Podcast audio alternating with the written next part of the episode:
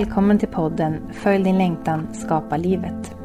Med denna podd vill jag djupdyka i vår skaparprocess. Hur vi skapar våra liv med lätthet genom att lyssna på vår inre äkta längtan. Att gå från ord till handling, även om man känner rädsla. Jag kommer bjuda in olika personer som älskar att vara i skapandet.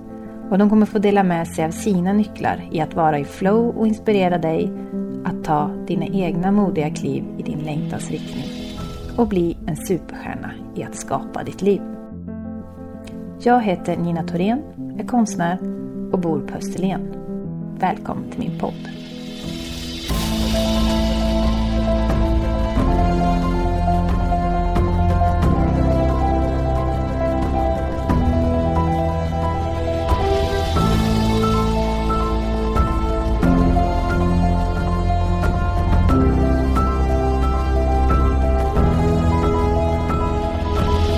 Detta avsnitt träffar du konstnären Lisa Rinnevo som har ett expressivt och omedelbart måleri. Hennes olika väsen som gestaltar sig på dukarna tycks inte lämna någon oberörd. Lisa lägger stor vikt i känslornas uttryck. Hon firade 20 år som yrkesverksam konstnär 2022 då hon hade en stor jubileumsutställning och släppte en bok om sitt konstnärskap. De senaste åren har hon även gett plats åt sin längtan att leda andra in i de lite lugnare yogaformerna, såsom yin-yoga och restorative yoga. Vi pratar om kärleken till sagovärldar, väsen, Astrid Lindgren och Tove Jansson. Glädjen i det intuitiva måleriet och vikten i att ta den plats i världen du är menad att ta. Det och mycket annat får du nu ta del av. Välkommen Lisa Rinnevo till Följ din längtan, skapa livet. Tack så mycket, trevligt att vara här. Mm, så himla härligt att ha dig här vid mitt bord med lite hallon och jordgubbar och choklad. Här ska mm. vi mysa. Ja, kommer smaska i ditt öra. ja, precis. Så ni, så ni vet vad det är som smaskas på här. Ja, ja. exakt. Godsaker. Ja. Lisa, ja. Ja. vad älskar du? Det är världens svåraste fråga att ge ett svar på. Ja, men du kan göra ett långt svar. Spontant, ja, precis. Spontant när jag får den frågan från dig så känner jag att jag vill säga livet. Det låter lite högtravande och töntigt kanske, men jag älskar verkligen att leva mitt liv liksom. Med allt vad det innebär. Jag älskar att måla, såklart, eftersom jag jobbar som konstnär. Och så älskar jag att få andra att må bra. Det är mina två så här, kärngrejer i det, varför jag gör det jag gör, mm. kanske. Du jobbar ju också med yoga nu. Mm. Mm. Precis. Och det är yin-yoga, va? Ja, yin-yoga och restorativ yoga. Två lugna, vilsamma. Det är där jag får ta hand om andra och få, verkligen får på riktigt få andra att må bra. Liksom. Hur skulle du beskriva din konst? Eh, det är ju alltid lite svårt att beskriva sin egen konst. Det är lättare att beskriva andras. Ja. Men eh, jag, målar, jag målar med akryl och spray som är vattenbaserade färger. För jag gillar när det torkar fort så att jag kan gå vidare fortare. Jag har inte tid att vänta. Eh, slash tålamod. Jag målar figurativt, heter det nog, tror jag. Jag har inte gått någon utbildning, så jag kan inte de här tjusiga orden och ismerna och sånt, för jag är inte så intresserad av just titlar. Men jag målar eh, oftast ansikten, stora huvuden som jag brukar säga. Och det är, jag får ofta frågan om det, varför det alltid är där flickor eller tjejer. Vilket för mig är inte alltid det, för att jag, jag ser dem som väsen. För att de har ju inga näsor eller munnar. Och det finns ju inga människor som ser ut så, som mina gör. Så att för mig är de väsen, och väsen är ju könlösa. De är inte hon eller han eller hen för den delen, utan de bara är mm. energi. Och sen skriver jag mycket text också i tavlorna som är positiva budskap. Become your dream, fuck the mainstream, you are perfect just the way you are. Allt sånt där som vi alla behöver höra. Där kommer det in den där lilla att jag vill få andra att må bra. Ja. ja. Ja, men det är just det där, jag vill ju förmedla känslor och alla känslor är ju välkomna. Liksom. Spelar ingen roll, bara det är en känsla, att du har den. Och det jag tycker är väldigt fint är att på en och samma tavla så kan det vara en person säga åh, jag blir så, den är så glad, jag blir så glad när jag ser den typ. Och så kan nästa säga åh, den är så melankolisk, det är någonting så här lite svårmodigt typ. Det finns någonting där bakom och så här, du vet. Just att det kommer många, jag får höra mång, väldigt många olika känslor som väcks eh, från en och samma bild. Och jag vet ju vad jag kände när jag gjorde den. Och det kan vara raka motsatsen till vad alla de här personerna säger. Men jag berättar ju ytterst sällan för dem vad jag kände. För jag tycker att det är helt oviktigt. Därför att det är ju inte det som är rätt. Alla känslor är rätt. Och jag tycker själv att jag verkligen har uppnått någonting om jag har lyckats förmedla något i en tavla där människor kan känna olika saker av att se en och samma bild.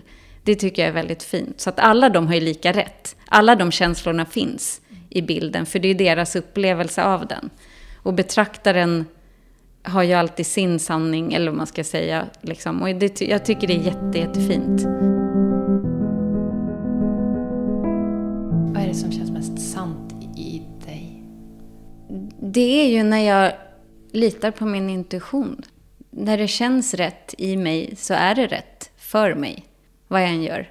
Alltså när man är sann mot sig själv är ju när man lyssnar på sin intuition, magkänsla. Vad känns bra för mig?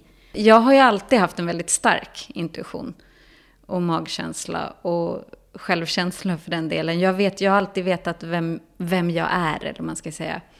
Så jag har ju alltid, sen jag var liten, liksom, har jag så bara vetat, men det här är jag.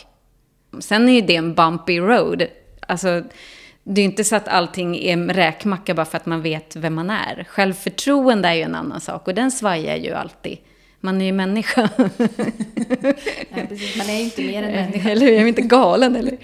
Nej, men, men jag har liksom alltid haft en väldigt stark inre kärna. Och det har ju också varit min ledstjärna.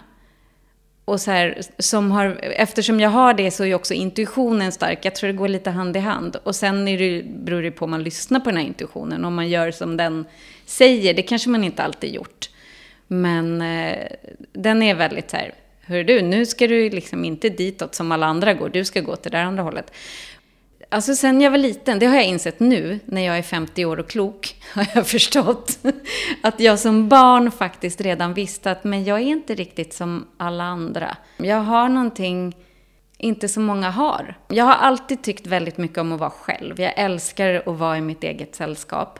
Där min fantasi bara får här, spela fritt och jag bara får vara, du vet, ligga och titta på moln och så här, drömma mig bort. Alla mina lärare har sagt från första klass ända tills typ jag gick ut gymnasiet. Hon är en dagdrömmare. För att jag sitter och så här, bara svävar iväg i min värld. Som är mycket mer verklig för mig än den här andra som pågår här utanför. Och i det har jag känt mig just ensam och framförallt med det här eh, att jag har valt mitt konstnärskap, jag har ingen utbildning, vi kan gå in lite mer på det. Eh, och så. Och jag har liksom aldrig känt någon som har gått den vägen som jag går. Och jag har mött ytterst få människor som faktiskt har en sån stark självkännedom som jag har haft. Har jag förstått. Nu. Då. Nej men du vet, förstår vad jag menar? Att man har känt så här, jag, jag har liksom saknat någon att kanske bolla lite med. Om det här vägvalet att jag vill här, leva på min konst till exempel och så. Och, så här, och för mig har ju det varit så himla självklart jag bara gör det, för att vad ska jag annars göra, liksom, typ så. Och jag har inte känt någon annan, nu har jag faktiskt, det har jag ju ateljén på en plats, en ateljéförening där det finns typ 90 andra kreatörer. Och där finns det ju faktiskt ett flertal som har lite samma vägval som jag, som jag kan bolla med. Men det har varit ganska ensamt var den personen som säger, men jag tror på min väg. Självkänslan och själv, självkännedomen är så pass stark och jag vet att det spelar ingen roll vad andra säger, jag måste gå den här vägen. Och det är det som har gjort att jag inte har tvekat. Eller tvekat har jag kanske gjort, men jag har ju liksom inte backat. Och så här. Nej, jag kompromissar inte med mitt konstnärskap och med mina livsval. Det är liksom, nej. Det, det här måste jag göra. Och som du säger, det här med att välja, att vilja vara mycket själv. Det, det krävs ju för att om jag vill vara i mitt dagdrömmeri, nej men då kan ju inte jag vara samtidigt och flänga runt och boka upp min tid på allting, överallt. Mm. Mm. Jag kommer ju inte fram till någonting om jag inte ger mig det utrymmet. Nej. Jag är så nyfiken på när började din första ursprungslängtan? Mm. Om man nu bara talar om måleriet då, för att jag är ju kreativ på många olika sätt, men just målandet. Så när jag var i 20-årsåldern så träffade jag en ja, men, ny kompis. och han målade jättemycket, han var väldigt kreativ och målade på allt möjligt. Och så här. Jag blev superinspirerad av det han gjorde. Och så du vet, åh oh, shit, det där vill jag också göra. Och så här. Och han bara, men gå till en konstnärshandel och bara köp färger och testa. Liksom. Det var typ så han gjorde. Jaha, kan man göra det? Tänker jag. Okej, okay, då gjorde jag det. Och så började jag måla med oljepastellkritor på stora pappersrullar. Alltså sådana här stora golv som man täcker golvet med när man målar om väggarna. Du vet, sådana här brunt. Så det var liksom jättestort. Och bara sen så köpte jag akrylfärger och allt möjligt och så bara testade jag olika material och sen, sen slutade jag aldrig måla. typ så. Nej, men så har det liksom varit hela vägen, att jag har mött människor ja, men man blivit inspirerad av eller som kanske sått något frö i en, väckt någon nyfikenhet eller ja, längtan som du säger. Liksom. Och då bara Ja, men det är väl den där intuitionen eller något, jag vet inte, som bara, ja men jag vill också, inte att jag vill göra som dem, för det vill jag inte, för jag är min egen, jag vill göra som jag gör. Inspiration liksom, och så, fast göra det på mitt sätt. Ja, så det, var, det var väl där och då just måleriet väcktes. Och sen så introducerade han mig också till konstnären Jean-Michel Basquiat, som en New York-konstnär som nu är död. Så han visade mig en så här fet konstnärsbok med Basquias målningar. Och det var en käftsmäll. Du vet, det var bara så här... Woo! liksom. När jag såg de här bilderna, du vet, ja, men när man ryser uppifrån och ner och bara hör liksom ett så här dånande ljud i öronen som inte är ett ljud. Typ. Och bara, så där ska jag göra. Och då var det också samma sak, inte så där ska jag göra som i att jag ska måla som han. Alltså, utan mer att det som tilltalade mig var det här lekfulla i Basquias grejer och att det är så här snabbt uttryck och ganska så här naivistiskt. Och liksom, det är lite spray och lite kritor och lite färg. Han målar på bildäck. Jaha, kan man göra så? Så att han, där, det var liksom det som var inkörsporten. och sen sökte jag in nu, nu har jag lite så här, inte jättebra koll på tidsspannet när allting har hänt. Men några år senare så sökte jag in till konstskolor i New York. Eh, och då var det ju staden som lockade först och främst, inte konstskolorna. Men, men jag tänkte att det är ett bra sätt att få bo där, är ju att plugga. Och konstskola, det, det är ju det jag gör, målar. Jag vill inte göra något annat. Så. så jag gick på intervjuer och jag kom in på två av skolorna. Jag valde en och började, en dag, gick en dag. Och där var det också den här intuitionen liksom som bara, nej, det här är inte, det här är inte din väg. Så jag bara visste det. Så jag eh, gav upp den där platsen och kände att jag måste hitta mitt konstnärskap på mitt sätt. Jag kan inte ha en professor eller så som berättar för mig hur jag ska göra. För jag vet ju att när man pluggar, vad man än pluggar, det är ju som en bubbla, man är ju liksom inne i den där världen. Och man blir ju, vare sig man vill eller inte, så blir man ju influerad av de som man har omkring sig. Det vill säga klasskamraterna och ja, med allt det som är i skolan. Och jag vet att jag är extremt känslig för, jag tar ju liksom åt mig väldigt mycket av, alltså jag suger åt mig som en svamp. Och så är jag väldigt lätt att tappa bort mig själv i det. Och jag ville inte det, jag förstod det då att det är det som kommer att hända. Så att jag kommer ju bara tappa min egen konstnärssjäl i det. Så det var därför. Och det, jag, idag är jag faktiskt väldigt, väldigt glad för att jag i så pass ung ålder ändå förstod det.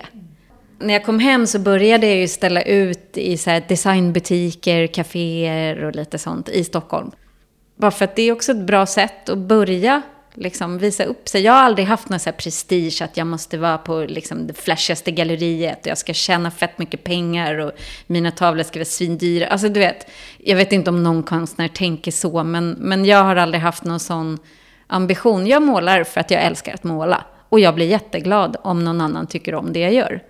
Så att jag ställde ut på olika ställen sådana så. Och sen så på ett, i en designbutik, Spunk hette det, den finns inte längre, på Söder. Så de galleristerna jag jobbar med idag, eh, en av dem, det är två som äger galleriet, en av dem gick förbi en butik och såg en av mina tavlor hänga där, en stor, en gång en meter röd stor målning med rosa, så här stort sprayat rosa huvud. Så den var ju ganska så här in your face. Hon gick ju förbi där varje dag till och från galleriet, såg den där tavlan och den liksom, som hon själv har sagt, sög in henne.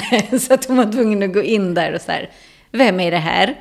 typ, lämnade sitt visitkort och bad liksom, kan inte du be den där konstnären ringa mig? Då gick jag till det galleriet, för att de visste ju inte vem jag var till utseendet. Liksom. Så jag gick dit, bara för att jag ville se vad är det för galleri egentligen. Känns det här bra eller ja, inte? Eller inte alls ja. kaxig. Vem tror jag att jag är? Ja. Men jag gick in på det galleriet och det var verkligen så här. Jag bara kände när jag gick över tröskeln, här vill jag ställa ut. Och då var ju Ann där, hon som hade sett tavlan. Och så här, ja hej, vill du, säg till om du vill ha hjälp eller vet något så här, vad man nu säger. Ja, ja, tack, nej jag ska bara kika lite. Jag, vill, jag, jag förstår inte varför jag då inte kunde säga. Men det var något, jag ville liksom hålla det här lite för mig själv och vara lite så här, hihi, typ. var den lilla flugan på väggen ja, och bara ja, känna in ja, lite. Det här känns så jävla bra. Sen gick jag hem, ringer henne. Hej, det är Lisa Rinnebo. Jag, jag fick ditt visitkort från... och sen eh, bokade vi ett möte. Jag fick eh, börja, eftersom jag var helt okänd och oetablerad och så här då, så ville ju inte de ge mig en helt egen utställning, liksom, utan jag fick vara med på en grupputställning. Så då kom jag dit med två målningar och bara någon vecka senare ringer hon mig och bara, du, du har inte några fler tavlor för vi har sålt de här två. Så att eh, om du har några fler så kan du gärna komma in med dem. Och så gjorde jag det och sålde och sen något år senare eller vad det kan vara, då fick jag min första separatutställning hos dem. Sen har jag samarbetat med dem sen dess, så vi har liksom jobbat ihop i 22 år. Ja, men så fint. Ja, det är jättefint. Det är så fint att hitta den här genuina samarbets... Mm. samarbetet. Ja, verkligen. Ah. Det är så skönt också att jobba med någon som kan liksom förstå en. Också på det här känslomässiga planet. Att det inte bara handlar om att sälja business. Vi ska ha utställningar. Alltså så. Det är en del av det, ja. Och de sköter ju den biten åt mig. Och gör det jättebra. Jag är otroligt tacksam för det. Liksom. Det är därför jag är kvar med dem.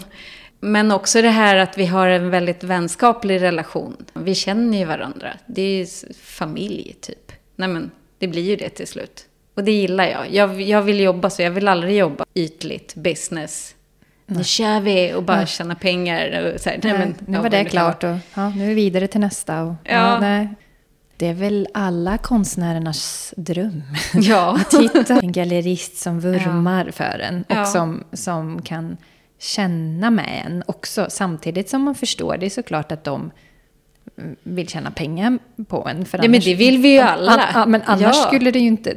Så det, det, det är det som är hela, självklart, meningen. att man, man, man vill ju gärna att... Men, men att det ska finnas den här grundkänslan av omtanke. Mm. Men du, har du haft några vändpunkter i ditt liv som har påverkat dig till där du står idag? När jag bodde i New York det här var ju 20, jag flyttade dit några år senare sen ju. Och bodde där i, vad kan det vara, två år kanske. Den tiden var såklart väldigt härlig, för att vem älskar inte New York? Allas stora dröm. Typ. Ja, jag har halva min själ kvar där och så kommer det alltid att vara. Älskar den staden och den energin som finns där och så. Men det som hände i mig där var att, för där finns ju inte Jante. Jag har aldrig förstått mig på en jävla jante ändå. Liksom. Men, men där finns den inte. Där ska man ta plats och där ska man skryta. Och du vet, folk bara ja, la, la, la, la, liksom. Man, får, man, man tror ju stort när någon pratar stort, så att ja. säga. Ja. Om du förstår vad jag menar. Mm, yes. Där lärde jag mig att våga skryta om mig själv. Alltså så här, på riktigt, vara stolt över det jag gör och så här, ja, jag är, ja, jag är bra, liksom. jag är stolt över det här. Fast liksom, för man kan ju göra det med en ödmjukhet med fötterna på jorden för att man är ju svensk.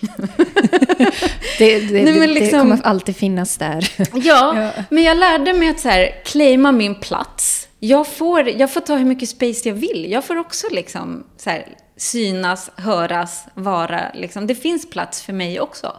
För man är ju lite den där, nej men inte ska lilla jag, du vet. Ja men så här, det där som vi, många av oss har i oss. Det var bara så här, ut genom dörren. Så här, nej, jag, jag vill ta plats. Så varför ska inte jag få göra det? Och det var där jag lärde mig att göra det. På ett sätt som känns inte så här ego-själviskt, utan så här, jag har faktiskt jobbat för den här platsen, jag är värd den. Mm. Så. Mm. Eh, och, och också att jag lärde mig sen när jag flyttade hem så märkte jag ju det väldigt tydligt. Som till exempel då på utställningar. Det är där jag möter mycket folk och får mycket beröm och komplimanger och så här. När någon säger så här, åh du är så himla duktig eller åh du är så himla bra och du, ja men så. Jag säger ju tack såklart, för jag är ju tacksam såklart. Men jag säger också, åh jag vet, visst är jag. Så här. Ja. Och det var så här, du vet, när man säger det i Sverige, då folk kan så här rygga tillbaka, så här, aha, eh, du vet, öppna ögonen lite extra, eller så här, ja men en liten reaktion. Varpå säger man det med lite så här glimten i ögat och bara, ja men om inte jag är stolt över det jag gör så kan jag ju inte visa upp det och jag måste ju få, jag måste ju få uttrycka att jag är stolt. För att om jag gör det så kan ju jag också inspirera andra till att våga ta sin plats. Och också stå upp och så här, rätta lite på ryggen och så här, men jag kan också vara stolt över mig själv. Jag är jättebra på att räkna pengar på banken där jag jobbar. Nej men vad det nu än är. Ja. Alltså vi måste ju bli bättre på att så här, våga så här, ja, jag är bra. Ja. Liksom. Ja, och det lärde jag mig i New York. Jag, jag, jag tillät mig äntligen att ta den platsen som jag har längtat efter att ta sedan jag var liten. För jag var väldigt blyg som barn. Kan man inte tro idag. Jag älskar att så här, prata och, och så här, ta plats. Men eh, ja, nej, det, det var en stor mm. vändpunkt kanske, eller vad man nu mm. vill kalla det för. Ja. Vilka av dina urkrafter är du mest tacksam för? Ja, men det är ju den där elden som brinner där inne, liksom. Aldrig slocknande. Eh, och att jag lyssnar på den och så här, självkänslan. Och att jag bara liksom... Jag vågar känna efter och går på känslan. Liksom. Jag lit, att jag har tillit liksom, till mig själv. Älskar också ordet urkraft. Ja. Det är mitt favoritord. Ja. På Österlen så är, finns det en konstrunda eh, varje mm. år vid påsk. Min första utställning då där, då kom det in en man. Och så gick han runt. Och det var så roligt, han var ju så här, du vet, stor i rörelsen också. Det är två små rum och så bara... Åh, oh, det är sån det är sån urkraft i dina tavlor. och sen slog det mig efteråt när han hade gått och allting. Och det slutade ju med att han köpte två tavlor. Och, och sen landade det här i mig. Ah, är det det jag håller på med? Ja. det var så härligt att han satte ord ja. på det. Ja, det är fint. Ja. Det var en så himla gåva att han gav mig ja. det ordet. Ja, jättefint. Ja. ja, men sånt där har ju liksom hänt längs vägen. Att man möter, alltså att någon ger en de där små sakerna. Det kan vara ord eller det kan vara bara man ser hur någon reagerar på något fast det väcker en känsla i en. Eller att man får en så här, aha, det är fint. Mm. Har du satt ord på din konst? Några sammanfattande så här, kärnord? Nu när jag tänker efter så har jag nog inte satt så mycket ord mm. på min konst, utan det är mer känslor. Mm. Ja, men då kan ju det vara förmedla. kärnkänslor. Ja, exakt. Mm. Det är mer kärnkänslor. Det känns mer rätt. Ja. Eh, det kan jag resonera med. Ja.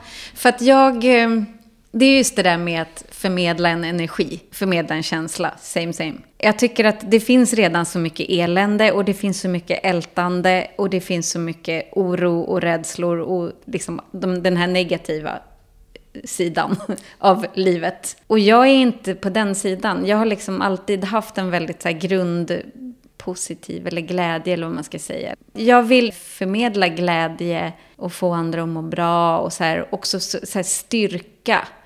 stärka andra. Eftersom jag har ju min, jag har så himla mycket styrka inne i mig själv. Så att jag delar gärna med mig av den till andra. I den mån det går såklart. Mm. Jag ska ju inte bli uppäten för den sakens skull liksom. Nej. Nej, men är det någonting som är väldigt ansträngningslöst att mm. dela med sig av mm. så är det ju en gåva ja. att dela det. Ja.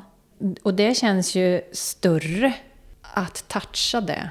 Ja, när du ska ligga där vid din dödsbädd. Vad ska du känna dig stolt för? Vad du har gjort i ditt liv.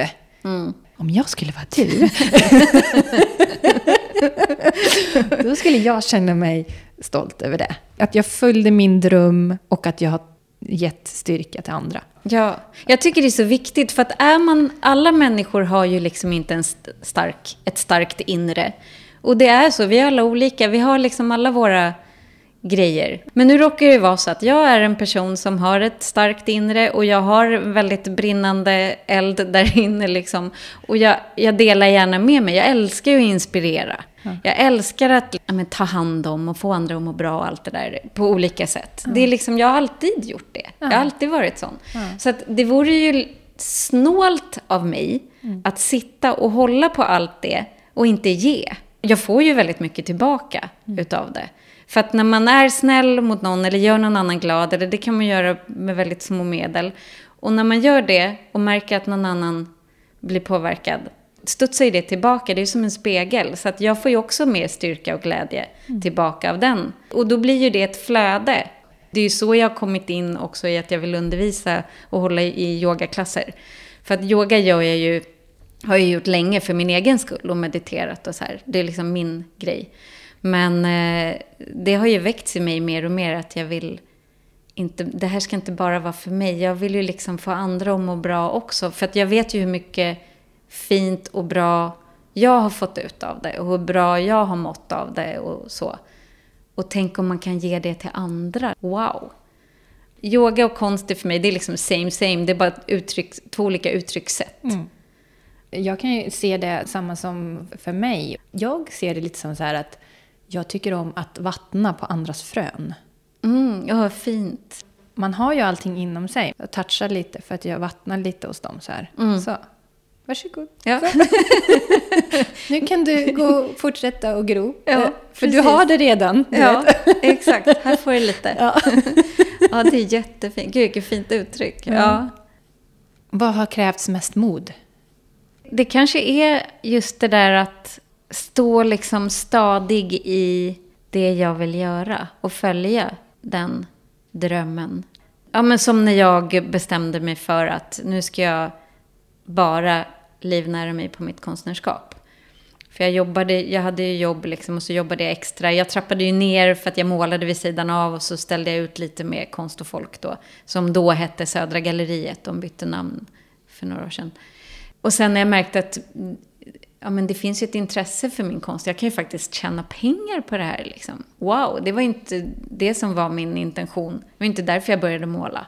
För att jag skulle tjäna pengar. Det, det var liksom bara, aha. Ja, ja, ja, det kan jag göra också. Ja, åh, kul. Tack. Tack, vad trevligt. Ja, det var ja. trevligt. kan jag unna mig någonting här Ja, nu? precis. Nu kanske jag kan handla mat. Ja. nej, men eh, och då till slut så var det sådär, nej men nu, nu säljer jag ju så pass mycket så att jag kan faktiskt klara mig på det här. Jag vet inte om det krävde så mycket mod egentligen. Det var mest bara ett beslut. Mer än mod.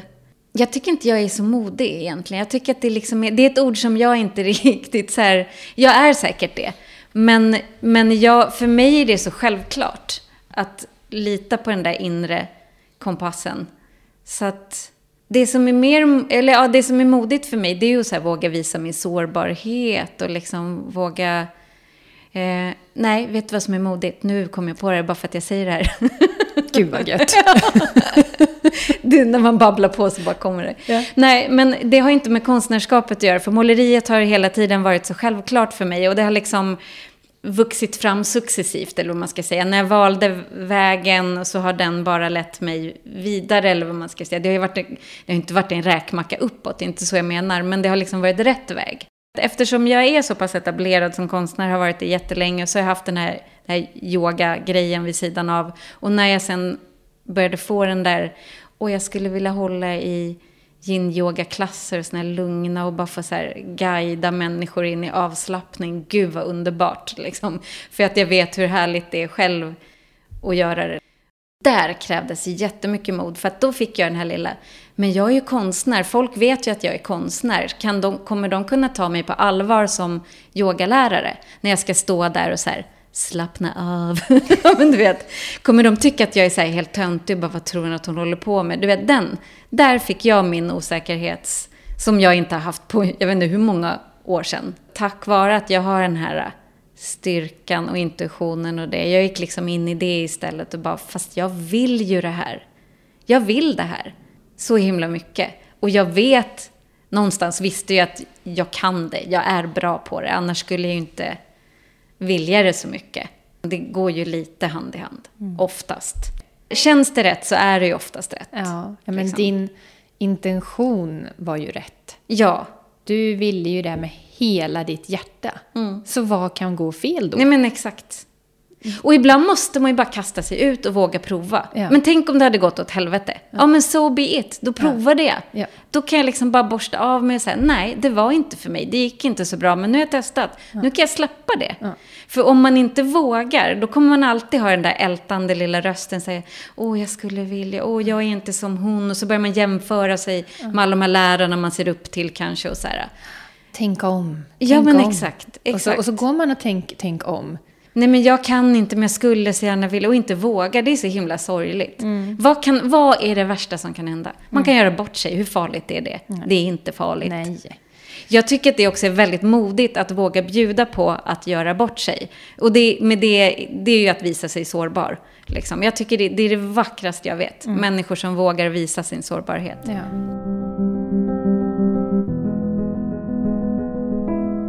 Vi har ju touchat lite på din skaparprocess, men låt oss djupdyka lite mer. Från när du börjar till du, mm, det här blev skitbra.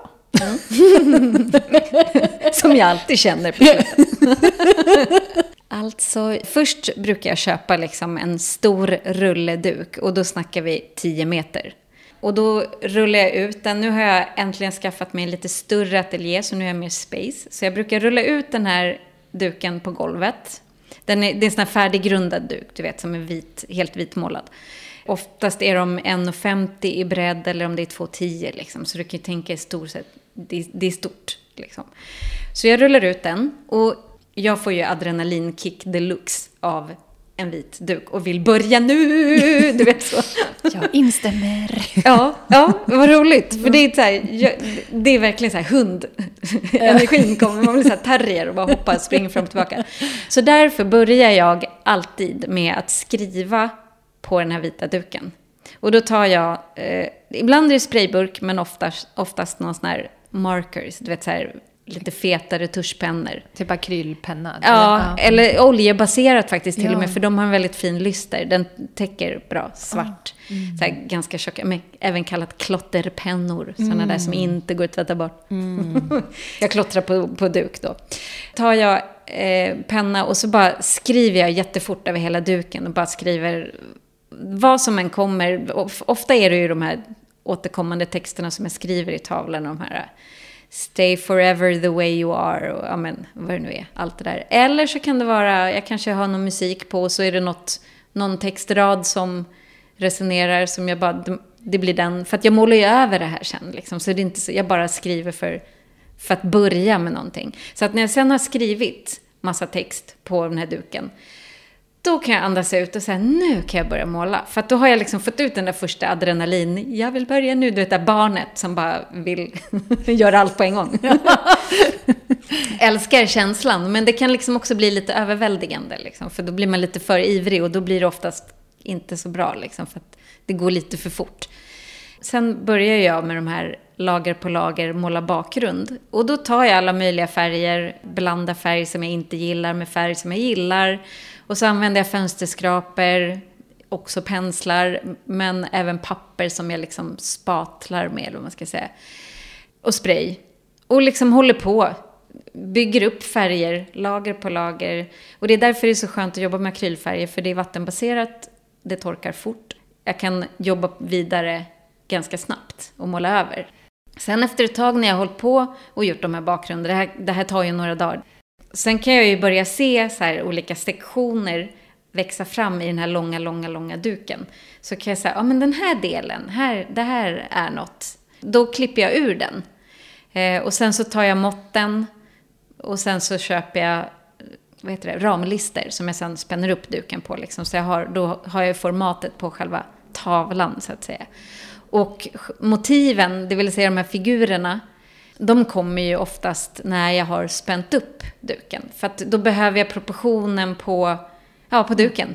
Mm. Så jag vet vart jag vill placera. Ibland vill man ju ha den helt centrerad till exempel. Det är ju svårt att göra på en ouppspänd duk. Men så jobbar jag, så det är liksom flera och sen så har jag, när jag sen har spänt upp dem så har jag dem liggande på golvet, aldrig stafflier eller på väggen eller sånt, utan de ligger ner på golvet. Och så har jag kanske, ja men tre till fem, ibland sju, beror på hur stora de är. Så många som får plats på golvet. Och så vet jag inte hur jag ska gå vidare eller om jag måste vänta på att färgen ska torka så går jag till nästa tavla och håller på med den. Och så målar jag med den andra. Alltså du vet, går lite så här mellan. Och det tycker jag funkar perfekt. Därför att då är jag liksom hela tiden i det här flowet. Även om jag måste vänta på att en tavla ska torka så kan jag, gå, kan jag fortfarande, då behöver inte det här flödet stanna upp för att jag måste vänta. Utan då kan jag hålla på med någon annan. Och jag har upptäckt och lärt mig att fyra timmar i sträck i ett sånt där konstant flow är mitt perfekta. Och det, det, det, är inte så att jag sätter en timer på fyra timmar. Utan det här är liksom på klockslaget. Jag har märkt det liksom över tid att när den där händer, du vet den där när man så här snap out of it och så här, vänta vad hände? Oh, nu var jag inne i ett flow, hur mycket tid gick? Det är nästan alltid fyra timmar och sen orkar inte jag mer. Men tänk dig ett störtlopp på fyra timmar. Nej men, ja. alltså jag använder inte kroppen på det sättet. Men det är hjärnan och hela närvaron och liksom ja. allt det där. Att man så här... Ja men kroppen är ju också med i och med att man har det på golvet. Ja. Man går runt ja, och man Sitter på huk. Och, och det är liksom upp och ner. För jag målar också på golvet. Alltså det är ju kul. ändå lite fys. Alltså, man är ju man håller, det är ju ja. lite som en, en dans, fast ja. man tänker ju inte att man dansar. Nej, men det är det. Ja. Det är därför jag är så glad att jag gör yoga, så att man får liksom, jag är bra på att sitta på huk och sådana saker. det är så här, men det här känns bra, nu är det skått här. Ja. Dagens träning. Ja. ja, nej men så bruk, ja, det är väl så en process går till. Och sen eh, också det här, när vet man när en tavla är klar? Klassiska frågan. Ja, precis. Det vet man när man stannar upp och tittar på den och tänker hur ska, vad ska jag göra nu? Vad är nästa steg? Hmm, du vet det där. Och inte riktigt vet vad man ska göra. Oftast så är det färdigt då. Och jag, tycker, jag gillar ju också annan konst, inte bara min egen, utan även när jag tittar på annat som känns lite, jag vet inte om det är rätt ord, men halvfärdigt. Så att det liksom är man ska inte överarbeta saker. Man ska inte dutta med detaljer, utan det ska liksom vara lite så här, nästan klart. Mm. Man skulle kunna satt dit en till av något, men man gjorde inte det. Man valde att inte. För att jag tror att när det är så, då lämnar man liksom lite så här mystik, vet jag inte vad jag ska säga, men något lite så här hemlighetsfullt mm. som är upp till betraktaren att eller alltså man lämnar mer space till betraktaren att ta till sig. Ja, att fånga det här roa på något sätt. Ja, alltså, precis. Ja. ja. Sen har jag också en eh, ritual som jag gör innan jag skiljs från mina tavlor. För att det var, i början var det jättejobbigt för att jag sålde ju slut på alla utställningar. Buhu. nej, men det, och det är ju så här, nej, what? Jag, och nej, jag skulle nog ha sparat en bara. ja, okay. ja, nej men så var det faktiskt. Jag gjorde ju inte det. Eh, och det var, alltså efter vernissagen bara sålde slut allting på en halvtimme och det är så här, va? Liksom på riktigt, fortfarande nyp mig i armen, det, har, det kan inte ha hänt. Men det, ja, det är helt fantastiskt. Det är så, jag är så glad och tacksam och, och med allt. Men eh, då var det ju också efteråt, det var skratt, gråt, skratt, gråt, skratt, gråt. För att det var liksom så jobbigt och kul och jobbigt och kul och jobbigt. Alltså så här, du vet allt så här, överväldigande. Men sen, och det här var i början liksom när, alltså ja men 20 år sedan, 15 kanske. Sen lärde jag mig efter det att jag måste ta farväl av mina tavlor på något vis. Så att det blir lättare att skiljas från dem. För att jag blev ju ledsen på riktigt, det kändes jobbigt.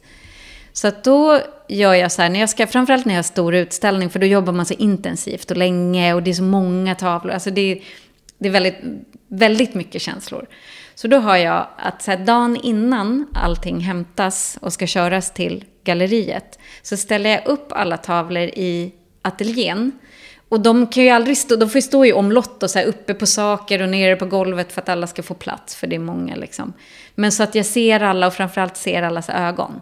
Och så är det som att de står i en så ring och så är jag i mitten. Och så tittar jag liksom på alla och bara tar in, jag har någon musik på. Jag brukar alltid välja något så här, ja men något härligt, vad det nu är. Så tittar jag på alla och du vet, verkligen tar in dem en och en. Och sen går jag fram och så pussar jag dem på pannan. Alltså så här, på duken. Pussar jag dem på pannan som att jag blässar dem och så här. Mm. Okej, okay, hej då, nu kan du få flytta hemifrån. Mm.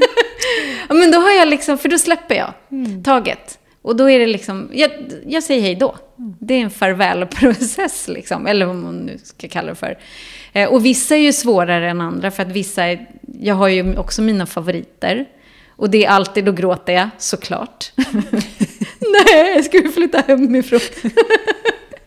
ja, nej men det är en del av det såklart. Det, det är vad det är. Men det är också då så här, jag kan inte sitta och behålla alla de där. Vart ska jag ha dem själv? Det går ju inte. Men jag lärde mig också av det här att dels att göra den här lilla ceremonin och sen också att om det är någon målning, vilket det alltid är när jag målar så här intensivt, det är någon som så här som jag själv bara blir så här jättekär i, då behåller jag den. Så jag har några faktiskt som jag har kvar och det är jag väldigt glad för. För att då blir det ännu lättare att skiljas från de andra, för jag fick ju ha en kvar också. Och så tänker jag, men just det, jag har ju ett barn, jag kanske ska lämna något efter mig. Kan ju vara, kan ju vara schysst. Ja, det kan ju vara schysst. Ja, ja just det. Att hon, Den lilla grejen. Ja, det kan ju vara schysst att hon kan få ha ja, några. Ja, precis. Det ska jag nog börja med också. Ja, gör det. Det, ah. det är också så här ett sätt att hylla sig själv och sitt arbete. Mm. Det man har lagt ner. Hur många gånger får man som konstnär gå på så här konferenser, kick-offs, yeah. alltså fira, bra jobb, alltså det är sådana saker som alla som anställda gör, eller om de nu gör, jag vet inte.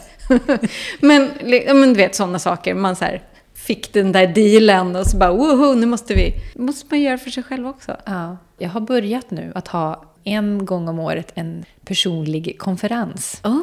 Och då åker jag och vandrar. Åh oh, gud vad härligt. Mm. Ja. Och landar in, och det kan vara med en, en vän eller om jag åker själv. Och att jag har det som en sån här förundransresa och reflektionstid och unna mig lite extra mm. trevligt. Och, ja. Det är för dig. Det är för mig ja. och det är, det är lite ett firande. Gud vad fint. Mm. Ja, Så, det är bra. Mm. Det ska du fortsätta med. Ja, ja, men du, vad förundras du mer av? Förut var det ju New York bara. det fanns inget annat i mitt liv. eh, nej, men den här storstadsgrejen liksom. Men nu är det väldigt mycket naturen. Jag älskar att vara i naturen. Det kan liksom vara en skogsdunge hemma i förorten. Jag behöver inte åka ut i urskogen. Den är ju mäktigast såklart. Men det blir också ett projekt. Men man kan liksom ta den där lilla skogsdungen runt husknuten ta på sig gummistövlar eller barfota eller vad man nu känner för. Och bara trampa runt där i en kvart. Alltså naturen har ju en väldigt speciell energi som bara finns i naturen. För att det är naturen. Liksom. Och det är mycket som växer, det är liksom alla djur, alla växter, allting. Så det är så här, dels hur det ser ut, för att det är vackert. Det finns, mycket, det, det, finns inte ett rakt streck i hela naturen, på en sån sak. Jag jobbar inte heller raka streck, perfekt. Vi har redan något gemensamt. yes, vi connectar här. vi connectar. Nej, men, och där, ja, men det är en plats där man verkligen kan så här, slappna av och så här, få... Ja, men just det med så här, man kan andas. Det är alltid när jag har haft så här, när jag känt mig väldigt stressad eller låg på energi eller vad det nu kan vara. Då är det så här, nej men nu måste jag ut i skogen eller vara vid havet, vid vatten. Och bara ta in, lyssna, dofta, titta, känna, vara. Ja, så det är min, det är liksom bästa go-to-ställe. Och jag älskar att ligga och titta på moln. Det är så här, molnen jag vet inte, det, det fascinerar mig så otroligt mycket. Bara så här, men titta på formerna, hur de rör sig. Man kan bara försvinna i det. Jag älskar det. Mm. ja. ja. Och vad, vad, inspireras du mer av? Jag älskar ju sagor. Det har jag alltid gjort sedan jag var barn. När jag var liten skulle jag bli Astrid Lindgren. Jag skulle inte bli konstnär. Inte författare, jag skulle bli Astrid. Mm, ja. Satte ribban här. Ja, nej, men eh, jag älskar sagor och framförallt sagor som har... De flesta sagor har ju det, just det här lite mörka, lite det här... Vi snackar inte Disney liksom, utan riktiga sagor. Då. Jag gillar det, när, när liksom, där allt är verkligt. Väsen finns och så här. Så det är väldigt, jag har ju alltid sedan jag var liten, så har jag, jag har ju en parallellvärld här bredvid mig. En sagovärld som är lika verklig som den här. Och den har jag haft sedan jag var barn och den finns fortfarande jättemycket. Så att för mig finns det, allting finns. Alltså så här, med älvor och du vet, mm. väsen i skogen och energier, saker man känner. Det, liksom är, det finns så mycket mer än vad vi tror. På senaste två åren kanske jag har varit väldigt mycket inne på så här fornnordiska sagor och asatron och det här. Mm. Tycker jag är så himla intressant. Det är liksom ändå våra rötter. Skithäftigt. Det är så bra att jag är gift med en man som vet mycket om sånt där. Så jag behöver inte ens läsa, jag kan bara fråga honom. Du, ska vi sätta oss ner och ta ett glas vin och prata lite Och han bara suck, vet du mycket sånt här jag läste när jag var ung. Jag orkar inte snacka om det längre typ. Du, den där Tor. Berätta mer Hur var det med honom? Nej, men jag drömmer ju om att skriva en saga eller två. Men jag har framförallt en som jag liksom har... Den finns, inte färdig, men den är där och pockar på. Och jag har målat lite inspirerat till den, liksom, för att jag får, hittar inte orden. Jag har gjort en låtlista som är typ nio timmar lång på Spotify. Som är liksom soundtracket. Oh. Ja, det så ibland ser jag det som en film och ibland, jag har ingen aning, jag ska inte ens prata om det för jag vet inte ens om det blir någonting. Men, men det, är det, är något. Ja. Det är något.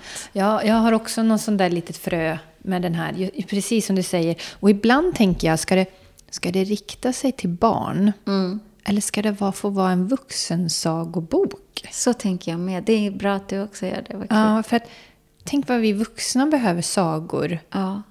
Vet du, Precis så där tänker jag. För att jag, jag älskar barn. Barn ja. är liksom det största i livet. Barn är viktigast. Ja. Barn är bäst. Alla världens barn är mina barn. Liksom. Så. Eller ja, jag, jag har en som jag älskar mest av alla, för det är mitt barn. Ja. Mitt biologiska. Men alla andra är också mina, alltså barn. Det är mm. liksom, ja. Mm. Jag har en stor kärlek till barn. Mm. Um, och jag har också tänkt att det ska liksom vara så här ja men både, ja men lite som Harry Potter är. Och så här, ja, den, kan typ. ju, den... den tilltalar ju alla. Mm. Men sen har jag också fått lite mer det där, men vänta lite, barn har ju väldigt mycket tillgång till den där fantasin och leken och allt det där. Fort, de har ju liksom en lite annan verklighet än vad vi har fortfarande, de flesta barn i alla fall. Men vuxna tappar ju det. När tappar vi det liksom? Ja, Eller vi, jag har inte gjort det. Men, ja. men det är så sorgligt mm. faktiskt, kan När jag tycka jag har ju alltid sagt att barnasinnet, det är det absolut värdefullaste vi har. Det ska man aldrig förlora, den här lekfullheten. Men sitt och gunga, vet du hur härligt det är att gunga? Ja. Det är de vuxna vi måste påminna om att sagor finns. Sen får man ju ta till sig sagorna hur man nu tar till sig. Man behöver inte vara som jag som så här, men det finns. Utan man kan ju liksom bara tycka om dem också. Mm, mm. Sen älskar jag alla så här japanska, du vet de här Studio Ghibli, heter de det? Med så här Totoro och alla de där. Ja, gud ja. Alltså de filmerna och ja. de berättelserna är bara så här, ja. what? Men, åh, men åh, har du sett um, Arietti? Ja. Ja, gud. Mm. Ja. Vilka personer i ditt liv tycker du har varit som mest stöd? Såklart mina gallerister, men jag tänker att det säger kanske lite sig självt. Det är väl klart att de ska stötta mig. Så de har ju varit en stor eh, del. Också min kära man som är... Han har väl också en väldigt stark kreativ konstnärssjäl fast uttrycker sig inte på det sättet som jag gör. Han bygger saker och musik och så. Han har en stor förståelse till att jag behöver space och få vara som jag är göra min grej. För att han är likadan. så att vi, det är väldigt fint att man liksom kan ge varandra den, den tiden, det utrymmet. Vara. Och sen kan man mötas och prata om kreativa saker och inspiration och så här. Så att det, eh, det är fint. För att jag skulle inte kunna leva med någon som inte förstår det. Behöver inte vara likadan, det är inte det som är viktigt. Men, men just den förståelsen liksom. Så det gör ju mycket. Och det gör ju att jag också inte får dåligt samvete. Utan jag faktiskt klarar av att 100% bara gå in i det jag gör då. För att jag, jag tillåter mig. Har du läst någon bok? Någonting som jag själv älskar att läsa på som jag också lyssnar på. Ibland när jag inte kan sova och ibland också när jag går till och från ateljén så lyssnar jag väldigt ofta på Tove Jansson när hon läser sina böcker. För jag älskar Tove Jansson. Det är hon och Astrid liksom. Behövs inga fler. Nej. Nej, men hon, Tove Jansson har ju liksom ett, dels pratar om finlandssvenska, jag har ju finska föräldrar, jag pratar ju finska och har liksom finska gener så. Så att det är mycket så här igenkänning också i så hennes humor. Jag älskar hennes humor. Och den är, för mig är den väldigt så här, Finland, liksom. Alltså min barn, alltså jag vet inte, det är någonting jag känner igen i det från mitt finska ursprung. Liksom. Och sen älskar jag hennes sätt att skriva och uttrycka sig. Och det är så här, de är så underfundiga och just humorn. Och det finns ett mörker. Och, och jag har ingen favoritbok av henne, så jag gillar allt. Den enda som är min riktiga, riktiga favorit, det är ju Bröderna Lejonhjärta. Vet du, det måste jag berätta. Jag var inne i, jag vet inte om det var, ja men någon sån här second hand-affär, Stadsmissionen eller vad det var, jag minns inte vilken.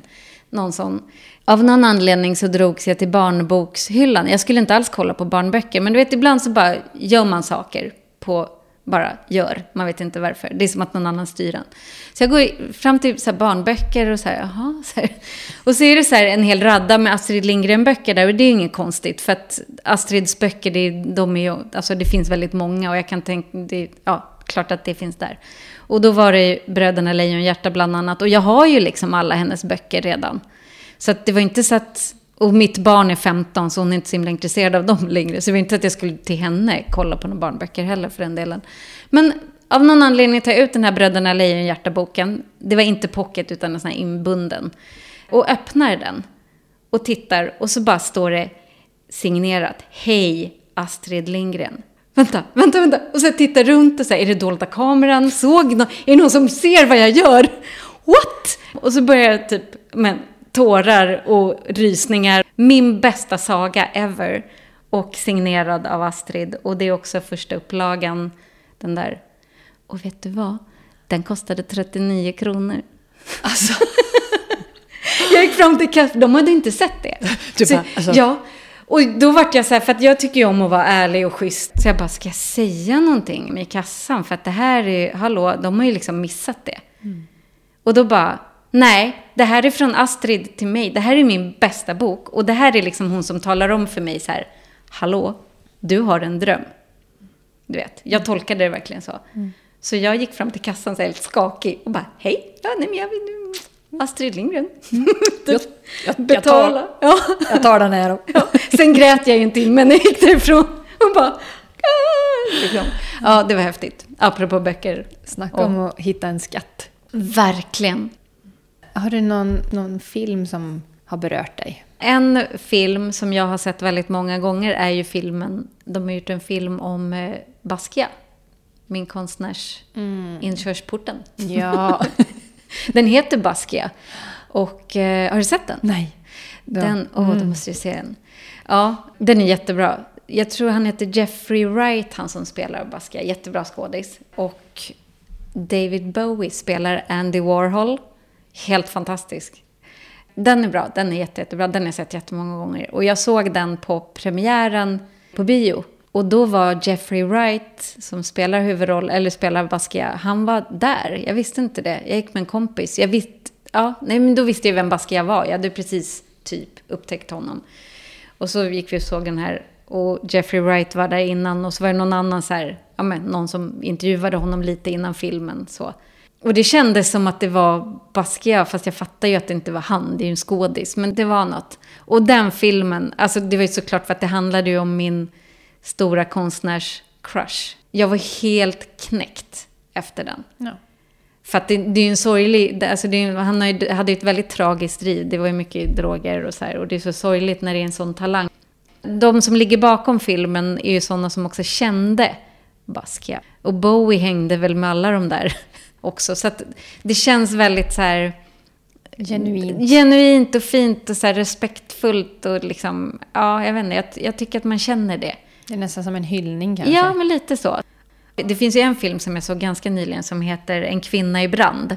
Den är helt fantastisk. Gud vad vacker den var. Det handlar om en konstnär, jag vill inte säga för mycket. Den är visuellt helt magisk och mm. bara så här otroligt fin film. Som man blir, om man vill se något riktigt så här, som är bra på riktigt. Vilka platser för dig är speciella? Ja, New York då. Men mm, du... Fast det finns en plats som är mycket speciellare än New York och det är Väddö. Stockholms skärgård, norra skärgården, där vi har ett hus eh, som vi har haft i nio år är det väl nu tror jag. Det är paradiset. Jag älskar ju skärgården. Det har jag gjort sedan jag var liten. Och det är, jag tror att det är Saltkråkans fel, delvis, filmerna. Man fick där längtan och så solvarma klippor och havet och måsskrik. Jag behöver inget annat. Ja, kanske lite mat så att jag inte dör, men liksom... nej.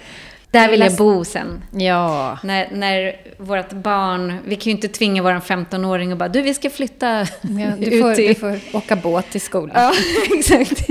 Jag skulle älska det. Hon bara, mm, nej, not so much. nej, så det, det får bli sen när hon är utflyttad. Vi hon... spenderar mycket annan tid där ute.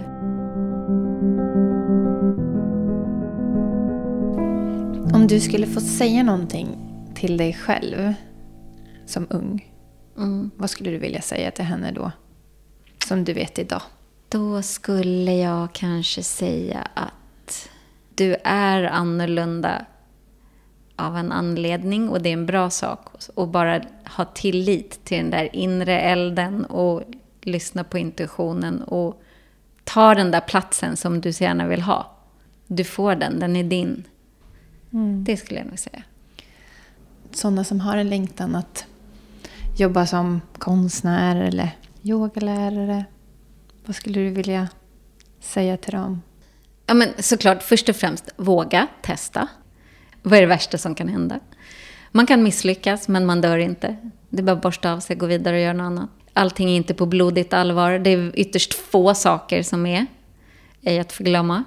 Men jag tror också att våga liksom... Eller nej, jag, eh, inte... Det är lite skillnad på yogalärare och konstnär. Jag kan inte säga, det är konstnär. inte samma råd. Vi säger konstnär. Ja. Eh, då tror jag att först och främst så ska man komma ihåg att man alltid ska måla liksom, i första hand för sin egen skull. Och vara medveten om så här, varför målar jag liksom? Gör jag det för att jag vill bli konstnär, för att jag är inspirerad av någon annan? Ja, men Lisa Rinnevo, det är så, hon gör så coola grejer, jag blir så inspirerad av henne, jag vill göra som hon. Ja, men då kanske du bara försöker efterlikna någonting annat. Då kommer du alltid bara vara en blek kopia av någonting annat. Så att försöka att hitta din så här, sin egen kärna. Eh, varför gör jag det här? Och vad vill jag med den? Och jag tror att man heller inte ska ha intentionen att man ska leva på sin konst. För det är ytterst få förunnat faktiskt att kunna göra det idag. Att ta steget och våga ställa ut. Och då inte börja med att jag måste gå ut till gallerier och sånt, för det är ganska svårt. Många gallerister väljer ju själv, handplockar sin, sina konstnärer, för de har ju redan en idé om vad de gillar. Och då kanske inte man passar in i det lilla snäva facket, det vet man ju inte. Så jag tror att det är väldigt bra att börja så som jag gjorde, ställa ut på lite kaféer och restauranger och det blir inte, då, då är man inte heller, det är inte så pretentiöst. Sen idag har vi alla sociala medier. Det fanns ju inte när jag började. Så att man kan ju liksom ha ett konto, ett Instagramkonto till exempel, där man bara visar upp sin konst och så men köra på. Inte det, det, är inte så allvarligt. Man behöver inte ta sig själv på så stort allvar. Och inte heller hela så här, grejen. Det tycker inte jag man ska göra med något i livet. Man måste så här, det blir jättejobbigt om man tar allt på allvar. Mm. För då tar man ju också alla misslyckanden och allt så personligt. Mm. Och det är ju inte alltid personligt, ytterst sällan faktiskt. Just idag finns det också väldigt mycket så bra tutorials på YouTube och allt vad det är. Jag har ju inga tips för jag har inte sett så många men jag vet att de finns. Där man kan få, om man vill liksom lära sig mer tekniker liksom. Och man kan gå olika kurser, workshops, allt möjligt sånt. Där man kan få idéer till att ta sig vidare till, eh, till nästa nivå. Men jag tror inte att man ska ha intentionen att jag ska livnära på min konst. Det är många konstnärer också som går runt på stipendier. Och att söka stipendier är liksom bara det ett heltidsarbete typ. Det är jättejobbigt. Det finns också. Ja. Men jag tror att man först och främst målar för din egen skull. För att göra din själ glad. Allt annat som kommer är en bonus. Oh, alltså, tack Lisa. Mm. Vilket underbart samtal. Tack, tack. själv. Mm. Tack för att jag fick vara här och mm. träffa dig. Det var jättemysigt. Mm. Ja. Mm. Tack. Tack. Tack för att du lyssnar på Följ din längtan, Skapa livet-podden. Är du nyfiken på mig och min konst? Konst som vill lyfta en känsla av längtan, ursprung och urkraft. Allt hittar du på min hemsida ninatorenart.se. Så fint att du har hittat till min podd. Vi hörs!